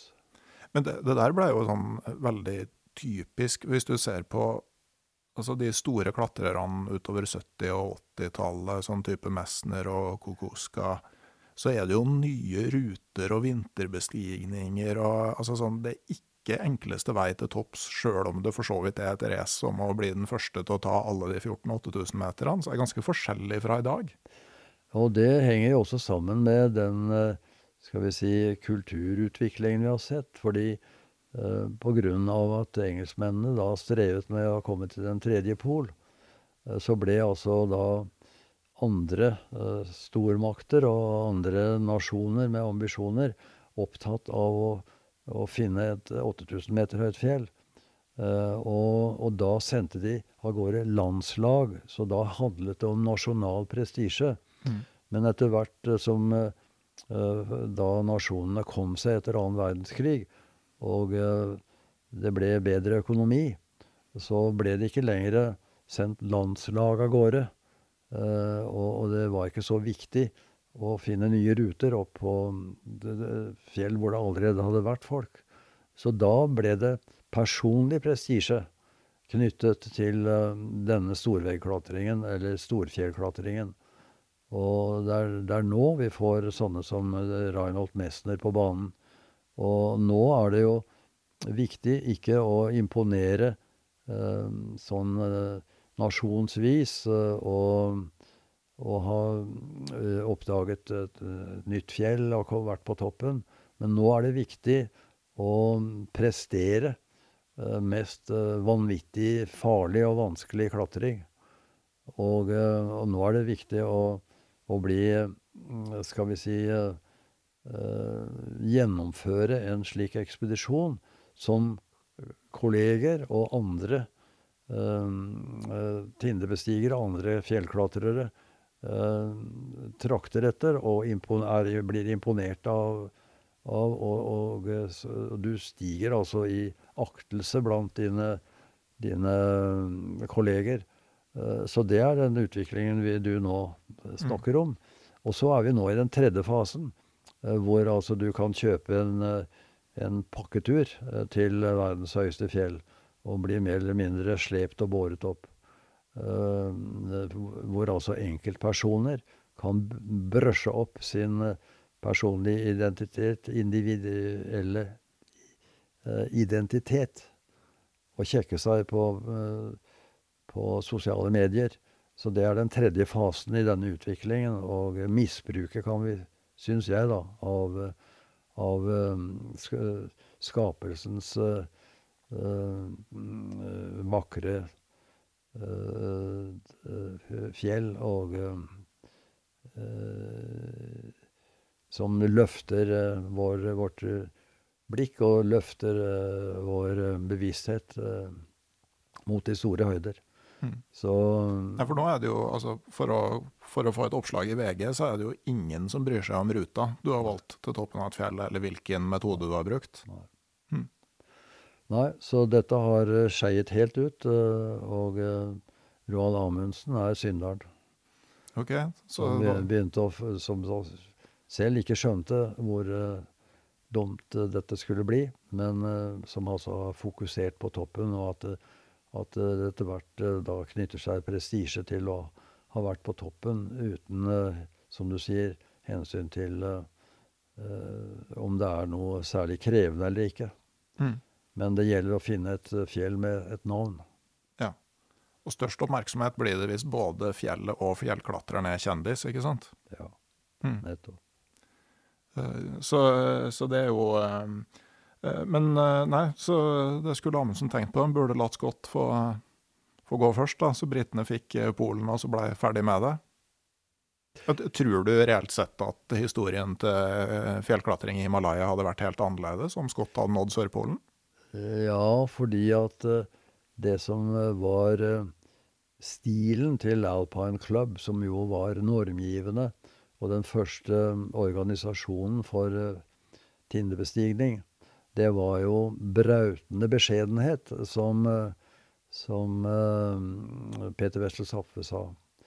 Og jeg har jo interessert meg mye for historien og opprinnelsen til Eh, fjellklatring eller tinnebestigning. Og, og, det eh, får vi jo først da på slutten av 1850-tallet, begynnelsen av 1860-tallet. Da får vi disse alpeforeningene, alpeklubbene. Og først i England i eh, 1857. Og så kommer da Østerrike, Tyskland eh, og Sveits i 1862. 63. Og overraskende nok så får vi Den norske turistforening i, i, i 1868, bare fem år etter. Er det påvirka av britenes aktivitet i Norge, tror du? At, uh... Nei, uh, de er ikke det. Og det er jo noen som tolker det dit hen da, og sier at det er, at det er um, Slingsby som har skapt interessen for uh, bratte fjell i Norge. Men denne interessen kommer fra Alpene. Mm. Og, og, og at man ikke dro til fjells eh, for prestisjens skyld eller for nasjonens skyld. Selv om det er vel litt tendens til det når det gjelder Italia og Matterhorn. Der var det nok en del nasjonalisme inne i bildet. Men, eh, men ellers så uh, gjaldt det altså bare for de høye fjellene i Himalaya. Mm. Så nei, så det som uh, gjør at uh, folk begynner å da nærme seg Tindene, det er rett og slett uh, Rousseaus uh, påstand om at i Alpene, i dalene i Alpene, så um, lever det ville mennesker, altså udannede mennesker. men disse som lever i disse dalene, og delvis ferdes i fjellene, de er ikke bare ville, men de er også edle. For de er foredlet i sitt uh, samliv med naturen. Og i mitt språk den frie natur. Og dette er det Rousseau som da uh, legger merke til, og han hadde jo veldig stor innflytelse i, sin tid. Uh, men Eh, så, eh, men han eh, var ikke personlig den som skapte denne, denne begeistringen for det sublime i fjellet. Men det var kunstnerne. Mm. Og for kunstnerne begynte da å male scener fra fjellet. Og gjerne da befolkningen i deres festdrakter, også kalt for bunad. Mm. Og eh, det som da gjorde at de begynte med det, det var at de skjønte at de hadde plutselig fått en ny kundegruppe. For de hadde før levd av å male engler uh, for, for, kirken. Mm. For de var jo bemidlet. Og de hadde også levd av å bygge og male slagscener og bilder av da eh, konger og keisere på hester eh, og sånn. Men eh, nå var det plutselig en tredje klasse, borgerklassen, som beriket seg på industrialiseringen av, av Europa. Mm. Og etter hvert som de ble rikere, så måtte de jo bygge større hus. Og da fikk de svære veggflater, som da, da var kalde og, og uttrykksløse. Mm. Og da uh, var det altså at uh, kunstnerne fant ut at uh, her kan vi skape interesse for, for vår kunst ved å, å vise borgerskapet hvor, hvor, flott det er. dersom de ikke har ødelagt naturen. Mm. Og det fungerte utmerket. Temmelig paradoksalt da, at liksom borgerskapet som beriker seg på industrielle revolusjonen, får den der eh, fascinasjonen for de edle ville i dalene. Ikke sant. Dette, så dette var jo den første, verdens første naturvernaksjon. Eh, og en ikke-voldelig eh, aksjon i høyeste grad. Mm. Og ikke bare det, men eh, da folk da fikk fylt veggene sine med disse vakre sceneriene, så satt de der og svingte Ja, de drakk vel ikke øl, men de, de, de drakk vin. Og så har jeg forestiller meg at en sier til um, sin uh, kamerat her er, Kan det være sant at det er så vakkert oppi der? Uh, og da svarer vel kameraten ja, men kan vi ikke dra og se? Og det var det de gjorde. Og så var det så flott, og kanskje enda flottere. Og da fant de ut at de måtte organisere seg, slik at de kunne lette adkomsten på flere. Og da fikk vi disse alpeklubbene da, rundt uh, pluss-minus 1860. Og eh, det som da skjedde, var at du fikk så å si en eh, folkevandring av, eh, av denne nye, nyrike klassen. og som før hadde da hatt en forestilling om at de burde At sønnene deres de måtte på et eller annet vis få en viss oppdragelse, dannelse. Vi hører jo nå om eh, norske konger som har vært i Kyiv, eh, i Gardarriket, eh, fordi at borgerskapet ikke kunne sende sine sønner rundt på, til konger og keisere. Så hadde de et problem, og det problemet hadde heller ikke kirken, da, for de hadde jo sine katedralskoler og andre måter. å, å danne eh, da den neste generasjonen. Så derfor så var det vanlig for borgerskapet å dra på en dannelsesreise til Aten eller til Roma eller til Paris. Eh, eh, altså slike europeiske eh, kulturarvsteder. Mm. Men eh, det som eh, da de oppdaget ved besøket hos De edle ville, det var at dette var jo et alternativ til dannelsesreisene til disse kulturbyene.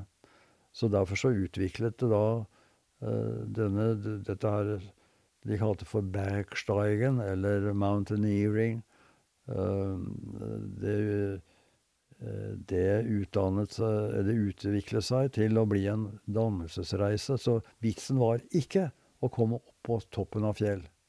Men vitsen var å ferdes eh, blant disse fjellene og i eh, disse eh, sublime omgivelsene, i samvær med de innfødte, de edle ville. Slik at også borgerskapet skulle bli foredlet.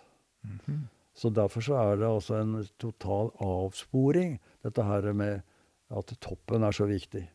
Ja, og du tenker at hvis da Amundsen bare hadde dratt til Nordpolen, som han hadde lova Nansen, og Scott hadde fått lov å gå til Sydpolen, så hadde den holdningen her til tindesporten også spredt seg til Himalaya, og det var sånn man hadde gått 8000-meterne i møte. Og så ville vel selvsagt eh, modernitetens eh, konkurransebevissthet ha, ha slått inn på et eller annet tidspunkt, men mye seinere. Mm. Så kanskje først i, vårt, uh, i vår tid. Så, så det, er, det, er, tragisk, det der. Eh, men eh, for meg så er det jo denne oppdagelsen viktig, da, fordi da ser jeg jo da at um, den romantikken er da ikke bare uh, vakker malerkunst eller diktekunst uh, og en filosofi, for det er også en filosofi om naturens egenverd og menneskets egenverd. Mm. Og derfor så har jeg altså til slutt da um, brukt dette som en mulighet til å få fram hva er det egentlig som ligger i norsk friluftslivstradisjon, som jeg har holdt på med i Høyfjellsskolen. og det har blitt særlig viktig i forbindelse med at det har lykkes å få friluftslivet inn i høyskole- og universitetsverdenen. Og eh, der har påvirkningen av det akademiske eh, perspektivet, og ikke minst det akademiske eh, strevet for å stige gradene, gjort at, at friluftslivet er langt ifra sin tradisjon. I dag har det blitt mer et, et slags en, en slags eksersis i, i da psykologi og sosiologi omkring de som ferdes på, i, i, natur. Mm. og så da har altså rett og slett verdiorienteringen forsvunnet ifra fra den akademiske beskjeftigelsen her. Og Derfor så jeg veldig, har jeg vært veldig opptatt av å finne ut hvordan kan vi forankre den norske friluftslivstradisjonen eh, verdimessig, slik at det ikke er noe tvil om eh, hva det handler om. Og da er det romantikken som er eh, forankringen. Og det er veldig enkelt, fordi begrepen, eh, ordet friluftsliv, dukker jo ikke opp i eh, skriftlig form før Ibsen bruker det i 1857 i På vidderne. Så da er vi altså midt i romantikkens tid. Og så uh, utvikler dette seg da uh, ved altså at uh, vi får mer og mer litteratur omkring dette med dannelsesreisen til fjelltrakter. Og, og, og, filosofien som hører den tiden til. Mm. Og dannelsesfilosofien hører også, hører også til i, i, denne perioden, da, i romantikken. Eh, sånn at liksom, Opprinnelsen til det norske friluftslivet ligger da i å dra til fjellet. Altså Oppsøkte man også her da, de edle, ville gudbrandsdølene som, eh, og dem i Sogn og som eh, Hardanger, som, som befolka bygdene inn mot fjellet? Ja, for problemet for Norge på den tiden var jo at vi ikke var en fri nasjon men at romantikken også var nasjonalromantikken, og at dette med å være en fri nasjon kom på moten, så å si. Det ble politisk korrekt, og det var det alle strevet etter. Og da var det altså noen nordmenn som så sitt snitt til å vise at uh, i Norge så var det folk enda villere enn de var i Alpene, og de var enda edlere. Uh, så det var jo bare noen få som bodde i byene.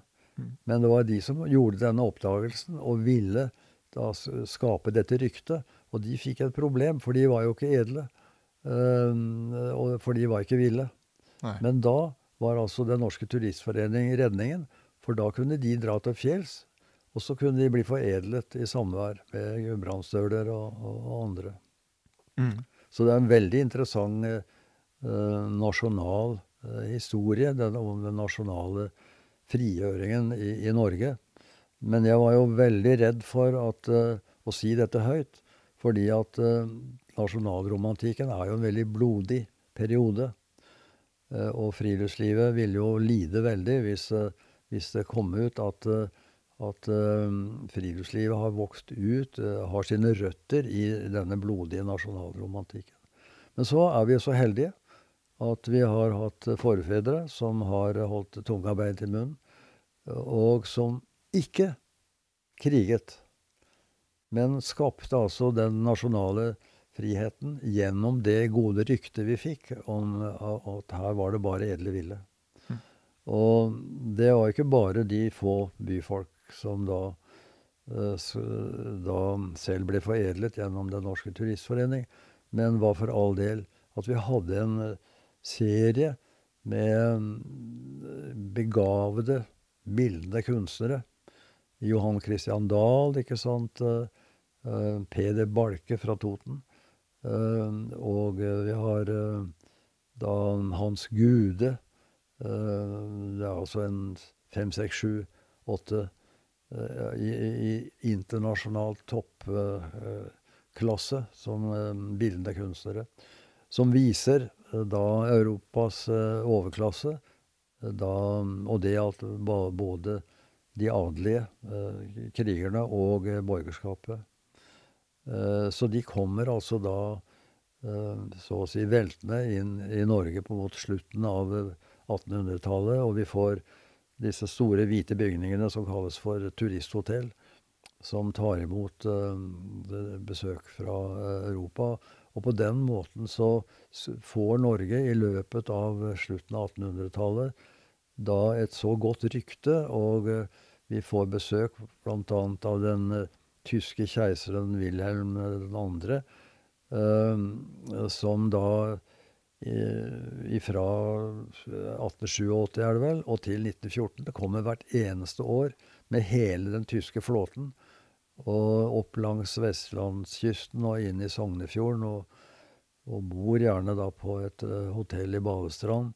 Men han uh, tar jo turen helt opp til Ålesund. Mm.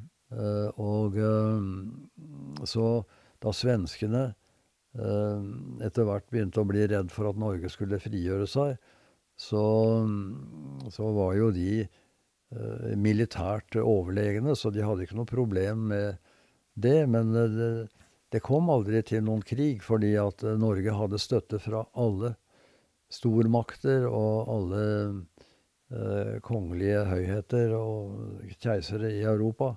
Så svenskene hadde ikke nubbesjans til å beholde på Norge i 1905. Så det var altså en eh, enestående nasjonal frigjøring som skjedde. Og vi kan altså definere den norske friluftslivstradisjonen ut ifra det som var nasjonens Eller var romantikkens verdier. Uh, naturens egenverdi og menneskets egenverdi.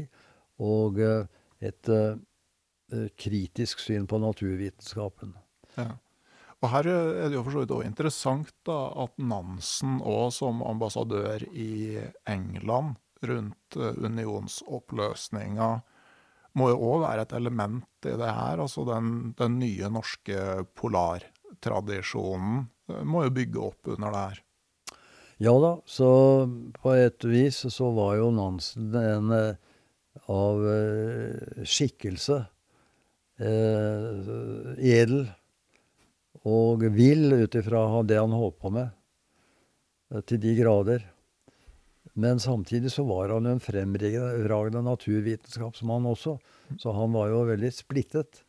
Ja. Eh, så jeg har aldri Jo, jeg har nok sett på han eh, opprinnelig som en skaper av norsk friluftsliv, men senere har jeg sagt at han var en, en beundringsverdig skikkelse og eh, representerte de edle eh, ville i Norge. Men, men hans uh,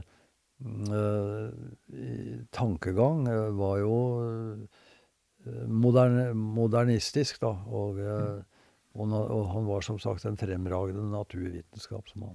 Det er kanskje litt av Nansens forbannelse, uten at det er noe sånn Nansen-biograf. da, at uh, han, altså Der Amundsen er 100% målretta mot én ting. Spesielt, I hvert fall så lenge som han får lov å som han gjør ekspedisjoner han sjøl eh, ønsker. Altså etter hvert når han egentlig er pålagt det han gjør, så blir det litt annerledes. Men, men Nansen liksom lider jo under det at han ikke klarer å bestemme seg for hvilken retning. Altså om han skal være om han skal være ekspedisjonsmann, utforsker, om han skal være naturvitenskapsmann, eller om han skal være statsmann og diplomat. Ja, som uh, Peter Wessel Zappe sa, så, så, spredde han seg for mye uh, utover det ene og det andre, istedenfor å være så målrettet som uh, Roald Amundsen. Og så er det jo, med tanke på de edle ville, da, bare Nansen og oppholdet hans på Grønland. Det at han ikke rakk båten hjem igjen etter grønlandskryssinga. Det, du fikk jo et stipend til Tyskland, men eh, Nansen kom for seint til båten, og det tror jeg blei hans uh, store lykke. Absolutt. Og uh, Roald Amundsen hadde heller ikke blitt den han ble, hvis ikke Nansen hadde kommet for seint til hjem. Den Nei, tydelig inspirert det at han slo seg til i Gjøahavn på vei gjennom Nordvestpassasjen. Han kunne jo dratt gjennom på et par sesonger, men han blei der lenge og lærte. Nettopp. Nettopp. Mm. Nei, så og, og, hvis vi ser på Nansens uh, filosofi utover i sånn 1910 uh, mot uh, 1920, og den talen til ungdommen som han holdt i 21 i universitetets aula, hvor han snakker om at, at Eh, at dette her går jo galt med moderniseringen av eh, Norge og, og verden. Og eh, selv om Norge foreløpig da ikke var så veldig modernisert. Men han mener jo da at det er i, i ødemarken, i de, på de store vidder, at mennesker blir dannet, og, og personligheter dannes. Og, så han fremhever jo da Eh, friluftsliv i den norske tradisjonen som eh, den redningen, eh, som redningen, rett og slett, for det moderne samfunnet. Mm. Men så blir han, som du sier, veldig Hva heter det vel Geopolitisk orientert etter hvert utover i 20-årene og, og, blir ambassadør for Folkeforbundet, eller forløperen for FN. så, så, han faller litt ut av, av det sporet der, og, og blir mer naturvitenskapstenker. Mm. Men uh, jeg tenker jo da nå, uh, hvis vi vender tilbake til din livsreise, da, så, uh, så, er jo det her litt av sånn fundamentet når du da starter Norsk høgfjellsskole i 1967. Du forlater da den sivilingeniørkarrieren. Brennevinet her får seile sin egen sjø. Og du forlater på en måte hele den mentaliteten på NTH. Og så skal du i stedet begynne å ut, ikke utdanne, men veilede folk for å få dem på lag for naturen. Det er en ganske sånn diametralt motsatt tankegang av det NTH og Gerhardsen og gjenreisninga på 50- og 60-tallet uh, står for. Til de grader. Mm. Men det ligger jo i min uh, våknende interesse for eh, naturmøter eh, der naturen er bratt. Mm. Og det som da skjer når, jeg kommer tilbake til NTH i 1959, det er jo da at jeg bruker all fritid jeg kan oppdrive, til å dra til fjells. Og derfor er vel jeg kanskje en av de nordmennene som i denne perioden er mest rundt omkring i fjell i Norge for å se etter nye uh, klatremuligheter. Uh, Arne Næss, f.eks., han uh, er i denne tiden mest på hytta si under Hallingskarvet, uh, Tvergastein. han sa jo det at hvis han hadde vært mindre enn 90 døgn på Tvergastein, så var det et dårlig år. Ja. Så han var vel kanskje oftere der er uh, mer, kanskje halve året. Så han kom ikke noe rundt i, i norske fjellheimen. Og Ralf, for eksempel, han, han, var jo Han klatret jo bare i sesongen. Resten av tiden så hadde han andre interesser, for ikke å si det andre kjønnet. Hm. Han er, ikke uenig i det, tror jeg, så jeg kan godt si det. så, så hans sesonger var litt kortere. Mm. Så han var ikke så mye rundt, eh, eller ja, lite rundt i fjellet. Eh, og, så jeg var vel eh, den som i alle fall tok det tyngst å se hvordan det norske landskapet ble ødelagt av sivilingeniørene. Og så til slutt altså, tenkte jeg som så at nå må noen gjøre noe. Eh, og eh, da hadde jo jeg da Arne Næss som taukamerat, og, og eh, jeg Men han var ikke særlig opptatt av naturvern på dette tidspunktet. Han drev mer med Gandhi og fred, fredsforskningen sin. Og, og, samtidig så var han også såpass oppgitt over å være professor på en på et universitet fordi det ble så lite glede. Mm. Det ble så mye kjedelige møter. Og, eh, og, kanskje også forelesninger som han ikke engasjerte seg så veldig i. Så, for han var jo litt arrogant av vesen. Så, eh, så derfor så interesserte han seg også for en filosof fra 1600-tallet som het Spinoza. For han har, eh, eller hadde da en Eh, filosofi om gleden, og hvordan du da kan i ditt liv skape ikke bare glede, men den dype glede.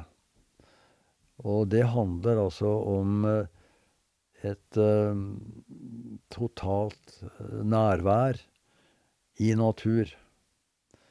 og han snakker om at vi blir jo alle født som individer som små selv. Og eh, for å oppnå den store glede, den dype glede, så må du da te deg på en slik måte at ditt lille selv går opp i det store selv. Og for han er det store selv det jeg kaller den frie natur. eller som han også så på som uh, sammenfallende med det guddommelige. For, uh, for for Spinoza, så var altså uh, den frie natur da guddommelig av, av, vesen. Og derfor så ble han jo ekskludert ifra menigheten som han tilhørte hjemme i Nederland. fordi at han var panteist, som det heter i, i teologisk språk. Og Spinoza, han eh, forklarer at eh, du kan nok ha eh, moro av, du kan jo kose deg med, du kan uh, ha, ha, det gøy ved da å utfolde deg uh, fysisk ved å gjøre krumspring eller være lausdanser eller eller øh, kanskje øh, da være en en adelsmann som er flink til å ri og, og, til å bruke lanser og sånn. Men, men, det er først når både din, din oppmerksomhet, din din uh, din sjel, i hans språk, vel, da. Nei, han var kanskje ikke så veldig opptatt av det, for han var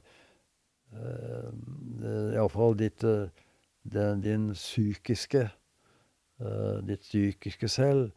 det er først når ditt psykiske selv, ditt, din bevissthet og underbevissthet, eh, samvirker med kroppen din i et eh, hele. At eh, den dype glede er eh, tilgjengelig. Mm. Og eh, Så dette var altså da Arne Næss veldig opptatt av på den tiden. Så i 66 så spurte jeg om han ikke kunne bli med til Stettin, som var hans fjell, hvor han hadde Eh, gjort eh, storveggklatring av eh, dimensjoner. internasjonalt nivå. allerede på slutten av 30-tallet, for han hadde jo gjort doktorarbeidet sitt i Wien og lært denne kunsten å bruke sikringsbolter.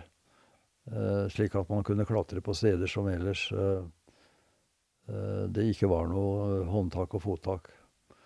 Så han be,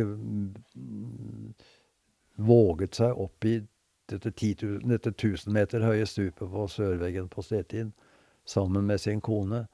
Og gjorde noen bestigninger der som var eh, helt utrolig i, i, i norsk eh, forstand. Og eh, som du ikke så så mye av, iallfall i Østalpene. Ja, nei, det gjaldt også Vestalpene. Så men han var jo av, begrenset av de sikringsmidlene som ble laget i Europa av smijern, eh, og med forholdsvis lite fantasi. Men så skjedde det noe da på vestkysten av USA, hvor en gjeng med hippier samlet seg i en nasjonalpark som heter Yosemite. Eh, og ikke minst under en vegg som er 1000 meter høy, og som heter El Capitan. Og eh, til å begynne med så var det jo ikke så mye de kunne utrette, for dette fjellet er så bratt og, og så glatt. Men så var det altså en sveitser som eh, eh hadde utvandret, eh, og som var smed.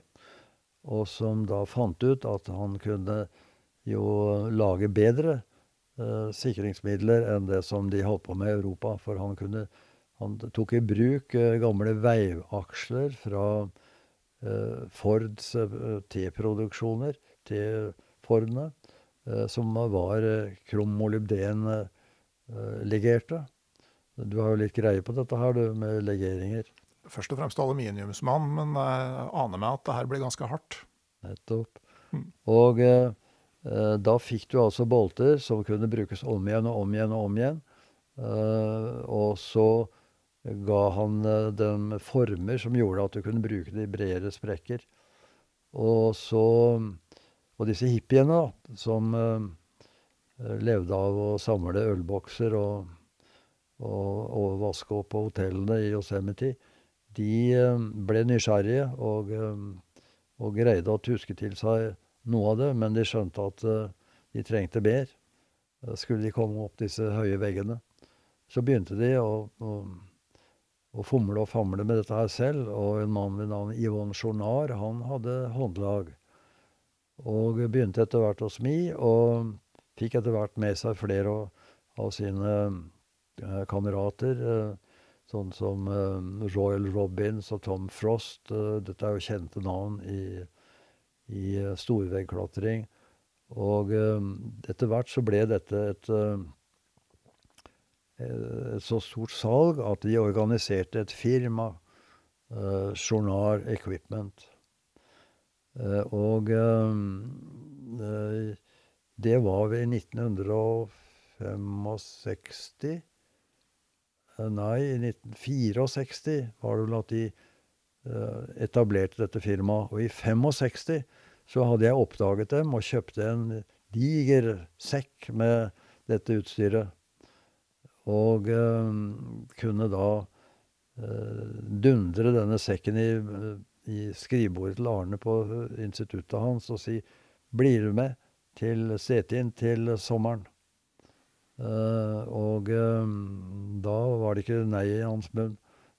For han skjønte jo at her var det nye muligheter som han ikke hadde fått til før. Og han kom, og i 14 dager så kunne vi da med dette nye bolteutstyret fra eh, Yosemite, så kunne vi altså åpne nye øh, veier opp Sydstypet som øh, ingen hadde vært i nærheten av å kunne før. Mm. Så, men jeg var ikke bare interessert i øh, klatreturene. Jeg ville ha Arne med på å finne fram til en måte å stoppe vannkraftutbyggingen. Og eh, da kunne jeg tilby han en eh, naturvitenskap som het økologi, som jeg hadde snublet over da jeg studerte et år i Tyskland. Eh, fordi landskapsarkitektene der nede hadde nemlig det faget som knapt noen andre universitet og høyskoler hadde i Europa den gangen. Og det hadde han ikke hørt noe om, men han syntes jo det hørtes interessant ut. Eh, men samtidig så var jeg interessert i å eh, at han med sin filosofiske tyngde skulle støtte opp eh, om bruken av naturvitenskapen. For jeg hadde jo såpass mye peiling på naturvitenskap at jeg visste at naturvitenskapen kunne misbrukes. Og eksempelet er jo da atombomben, hvor Einstein komme på en formel som sier at har du bitte lite grann masse, så kan du få veldig mye energi. Og da det, den andre verdenskrigen var godt i gang, så ville jo både tyskerne og amerikanerne ha med Einstein på laget for å lage bombe. Men Einstein sa nei, det kommer ikke på tale. Dette er min formel. Men så Da sa de på begge sider av Atlanteren ha-ha, dette er vår formel. Eh, her er det ikke noen eh, begrensninger for eh, hvem som kan bruke den formelen. Så, så, så det var et Arnes som filosof og vitenskapsfilosof også, så skjønte jo han dette veldig godt. Så, så jeg sa vi trenger en, en verdiorientering her som kan, vi kan knytte til bruken av økologien. Og da kom han øyeblikkelig med Spinoza. For han gikk jo den gangen, eh, på den tiden, alltid med etikken til Spinoza i, i ryggsekken. Mm. Og, uh, og, la ut om dette, og jeg skjønte jo ikke så mye av det. Men jeg skjønte så mye at, uh, at her har vi med en måte å framstille naturens e egenverdi på. At naturen er mer verdt enn det du kan selge den for. Og naturen kan jo ikke produseres. Altså Eh, må vi, når vi snakker om eh, nytten av å bygge ut et vassdrag, ikke bare tenke på den økonomiske verdien, men hva som vi eh, taper. Så det var Og dermed så reiste jeg hjem eh, og fortalte Helga at nå er det slutt på min karriere som, eh, som forsker. Nå skal vi starte en skole som skal vinne venner for natur. Og hadde jeg da vært gift med et norsk kvinnfolk, så hadde hun selvsagt sagt nei, for nå har jeg fått tak i en sivilingeniør, og da er fremtiden sikret. Og så kommer du her, og så skal du ødelegge alt. Men eh, jeg hadde jo da vært så heldig å ha en, norsk, en, en tysk svigermor som var en uh, ivrig uh, tinnebestiger. Selv om hun var uh, nordtysk. Og, og ski. på ski i Alpene. Så, så, det var ikke tilfeldig at jeg rotet meg borti et kvinnfolk da jeg var i Tyskland. fordi jeg skjønte at her var det en dame som ville være med, på, ville være med til fjells. Her ser du jo bilde av Helga og meg på den norske Nord-Norges ekspedisjonen 1960. På to toppen av Klokketind. Ja. Uh, og uh, så, uh, så, da jeg kom hjem og sa at nå skal vi starte en skole et eller annet sted i de norske fjell, så sa Helga ja. ja. Og der tenker jeg at vi har kommet til et punkt hvor det er naturlig å stoppe i denne episoden av podkasten Uteliv. Vi har nå fått høre ganske mye om livsreisa og tankegodset som ligger bak det som da ble Norsk høgfjellsskole. Jeg kan si at Arne Næss har jo skrevet en bok om Spinozas filosofi. Ja. En liten bok. Jeg hadde den med på en fottur på Grønland en gang. Jeg må innrømme at jeg kom ikke gjennom, for jeg syns òg det, det, er ganske tungt gjennomtrengelig. Men jeg oppdaga til min glede at når du ga en liten oppsummering her, så merka jeg at jeg har faktisk lest det før. Og jeg tenkte òg det er med det lille selvet som, selve som går opp i det store. Jeg snakka med en pilegrimsprest for en stund siden, som snakka om opplevelsene altså som dagens ateister får av å gå pilegrimsrutene. Så sier han at det de beskriver når de kanskje har vært ei uke på tur, de følelsene de har, det er det man for 100-200 år siden ville kalt en religiøs opplevelse. Og det er kanskje noe å ta med seg, at det ligger et eller annet der som er noe er mer fundamentalt i oss. Men det som gjør, da, jeg må nok føye til det til slutt, eh, at uh, tindebestigere har skapt økofilosofisk øko filosofisk tenkning er ingen tilfeldighet. Eh, for det første så hadde vi altså en tindebestiger som var Spinoza-kjenner. Men eh, det som da tinnebestigningen gjør i møte med livsfaren, det er at du får livsfaren den eh, nærmest tvinger frem det absolutte nærvær. Ingen behøver å fortelle deg at du skal konsentrere deg og være til stede nå, med, ikke bare med kroppen, men også med hele deg, med din bevissthet. Uh, fordi det er bare å se ned, det. Uh, noen må kanskje bare fem meter opp før de ser ned og skjønner alvoret. Andre må kanskje uh, en hel taulengde opp. Men før eller senere så kommer denne forståelsen av at dette er livet om å gjøre. men Eh, hvis du da holder deg innenfor det som er etter evne for deg, eh, så blir du ikke livredd. Men du blir bare totalt nærværende. Og det, det, er det som da særlig gjør at ditt lille selv går opp i det store selv, i Spinozas forstand. Og dette kan vi nå til dags eh, da etterprøve gjennom å gå inn i evolusjonspsykologien og i nevrofysiologien for de som vil ha det med harde fakta. Men dette var et, eh, en, en visjon, eller et, en, en, introspeksjon, kan vi si, som Arne og jeg hadde, og som mange med oss har fått. Eh, og som har gjort at Høyfjellsskolen har hatt eh, betydelig innflytelse, selv om det hele har blitt dempet ned og kvalt av olje. Iveren og oljerikdommen. Mm.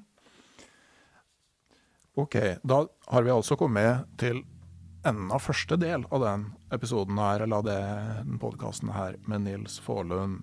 Om ei uke så skal vi komme tilbake. Da skal vi snakke mer om, eh, konkret om de prinsippene som Norsk fjellskole, eh, høyfjellsskole, har blitt drevet etter. Vi skal snakke mer om iscenesettelse av verdidannende læring i møte med livsfaren i fri natur og litt mer om måte, konkret det friluftslivet som du, Nils Vålund, har eh, formidla, eh, hva eh, det innebærer. Så da får dere eh, smøre dere med tålmodighet. Jeg eh, sier som alltid tusen takk til dere som støtter podkasten Uteliv på Patrion. Det er i stor grad dere som holder oss på lufta. Det er plass til flere. Der finner man info om det i episodeinfoen. Men det kommer altså en ny episode med resten av historien her fra Forlund gård på vestsida av Mjøsa om ei uke. Ha det bra.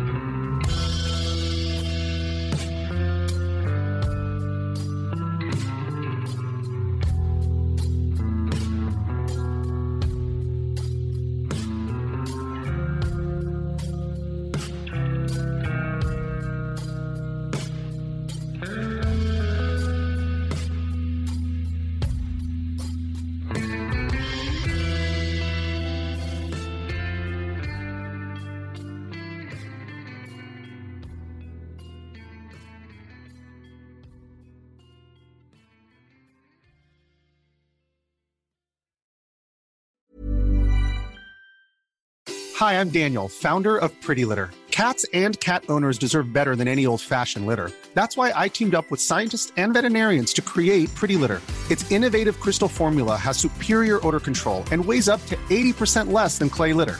Pretty Litter even monitors health by changing colors to help detect early signs of potential illness. It's the world's smartest kitty litter. Go to prettylitter.com and use code ACAST for 20% off your first order and a free cat toy. Terms and conditions apply. See site for details.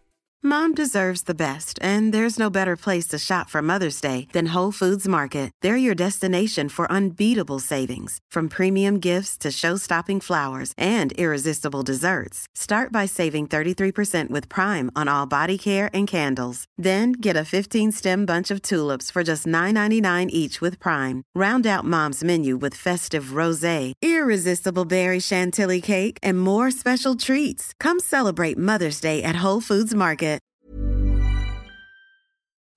Hei, jeg heter Nore Helligsen og er daglig leder i Barents Outdoor. Det beste vi kan gjøre for planeten, er å redusere forbruket vårt og få mer ut av det utstyret vi allerede har. Men vi vet av erfaring at bruken av telt kan endre seg over tid. Det teltet du kjøpte for to år siden, passer kanskje ikke det behovet du har i dag.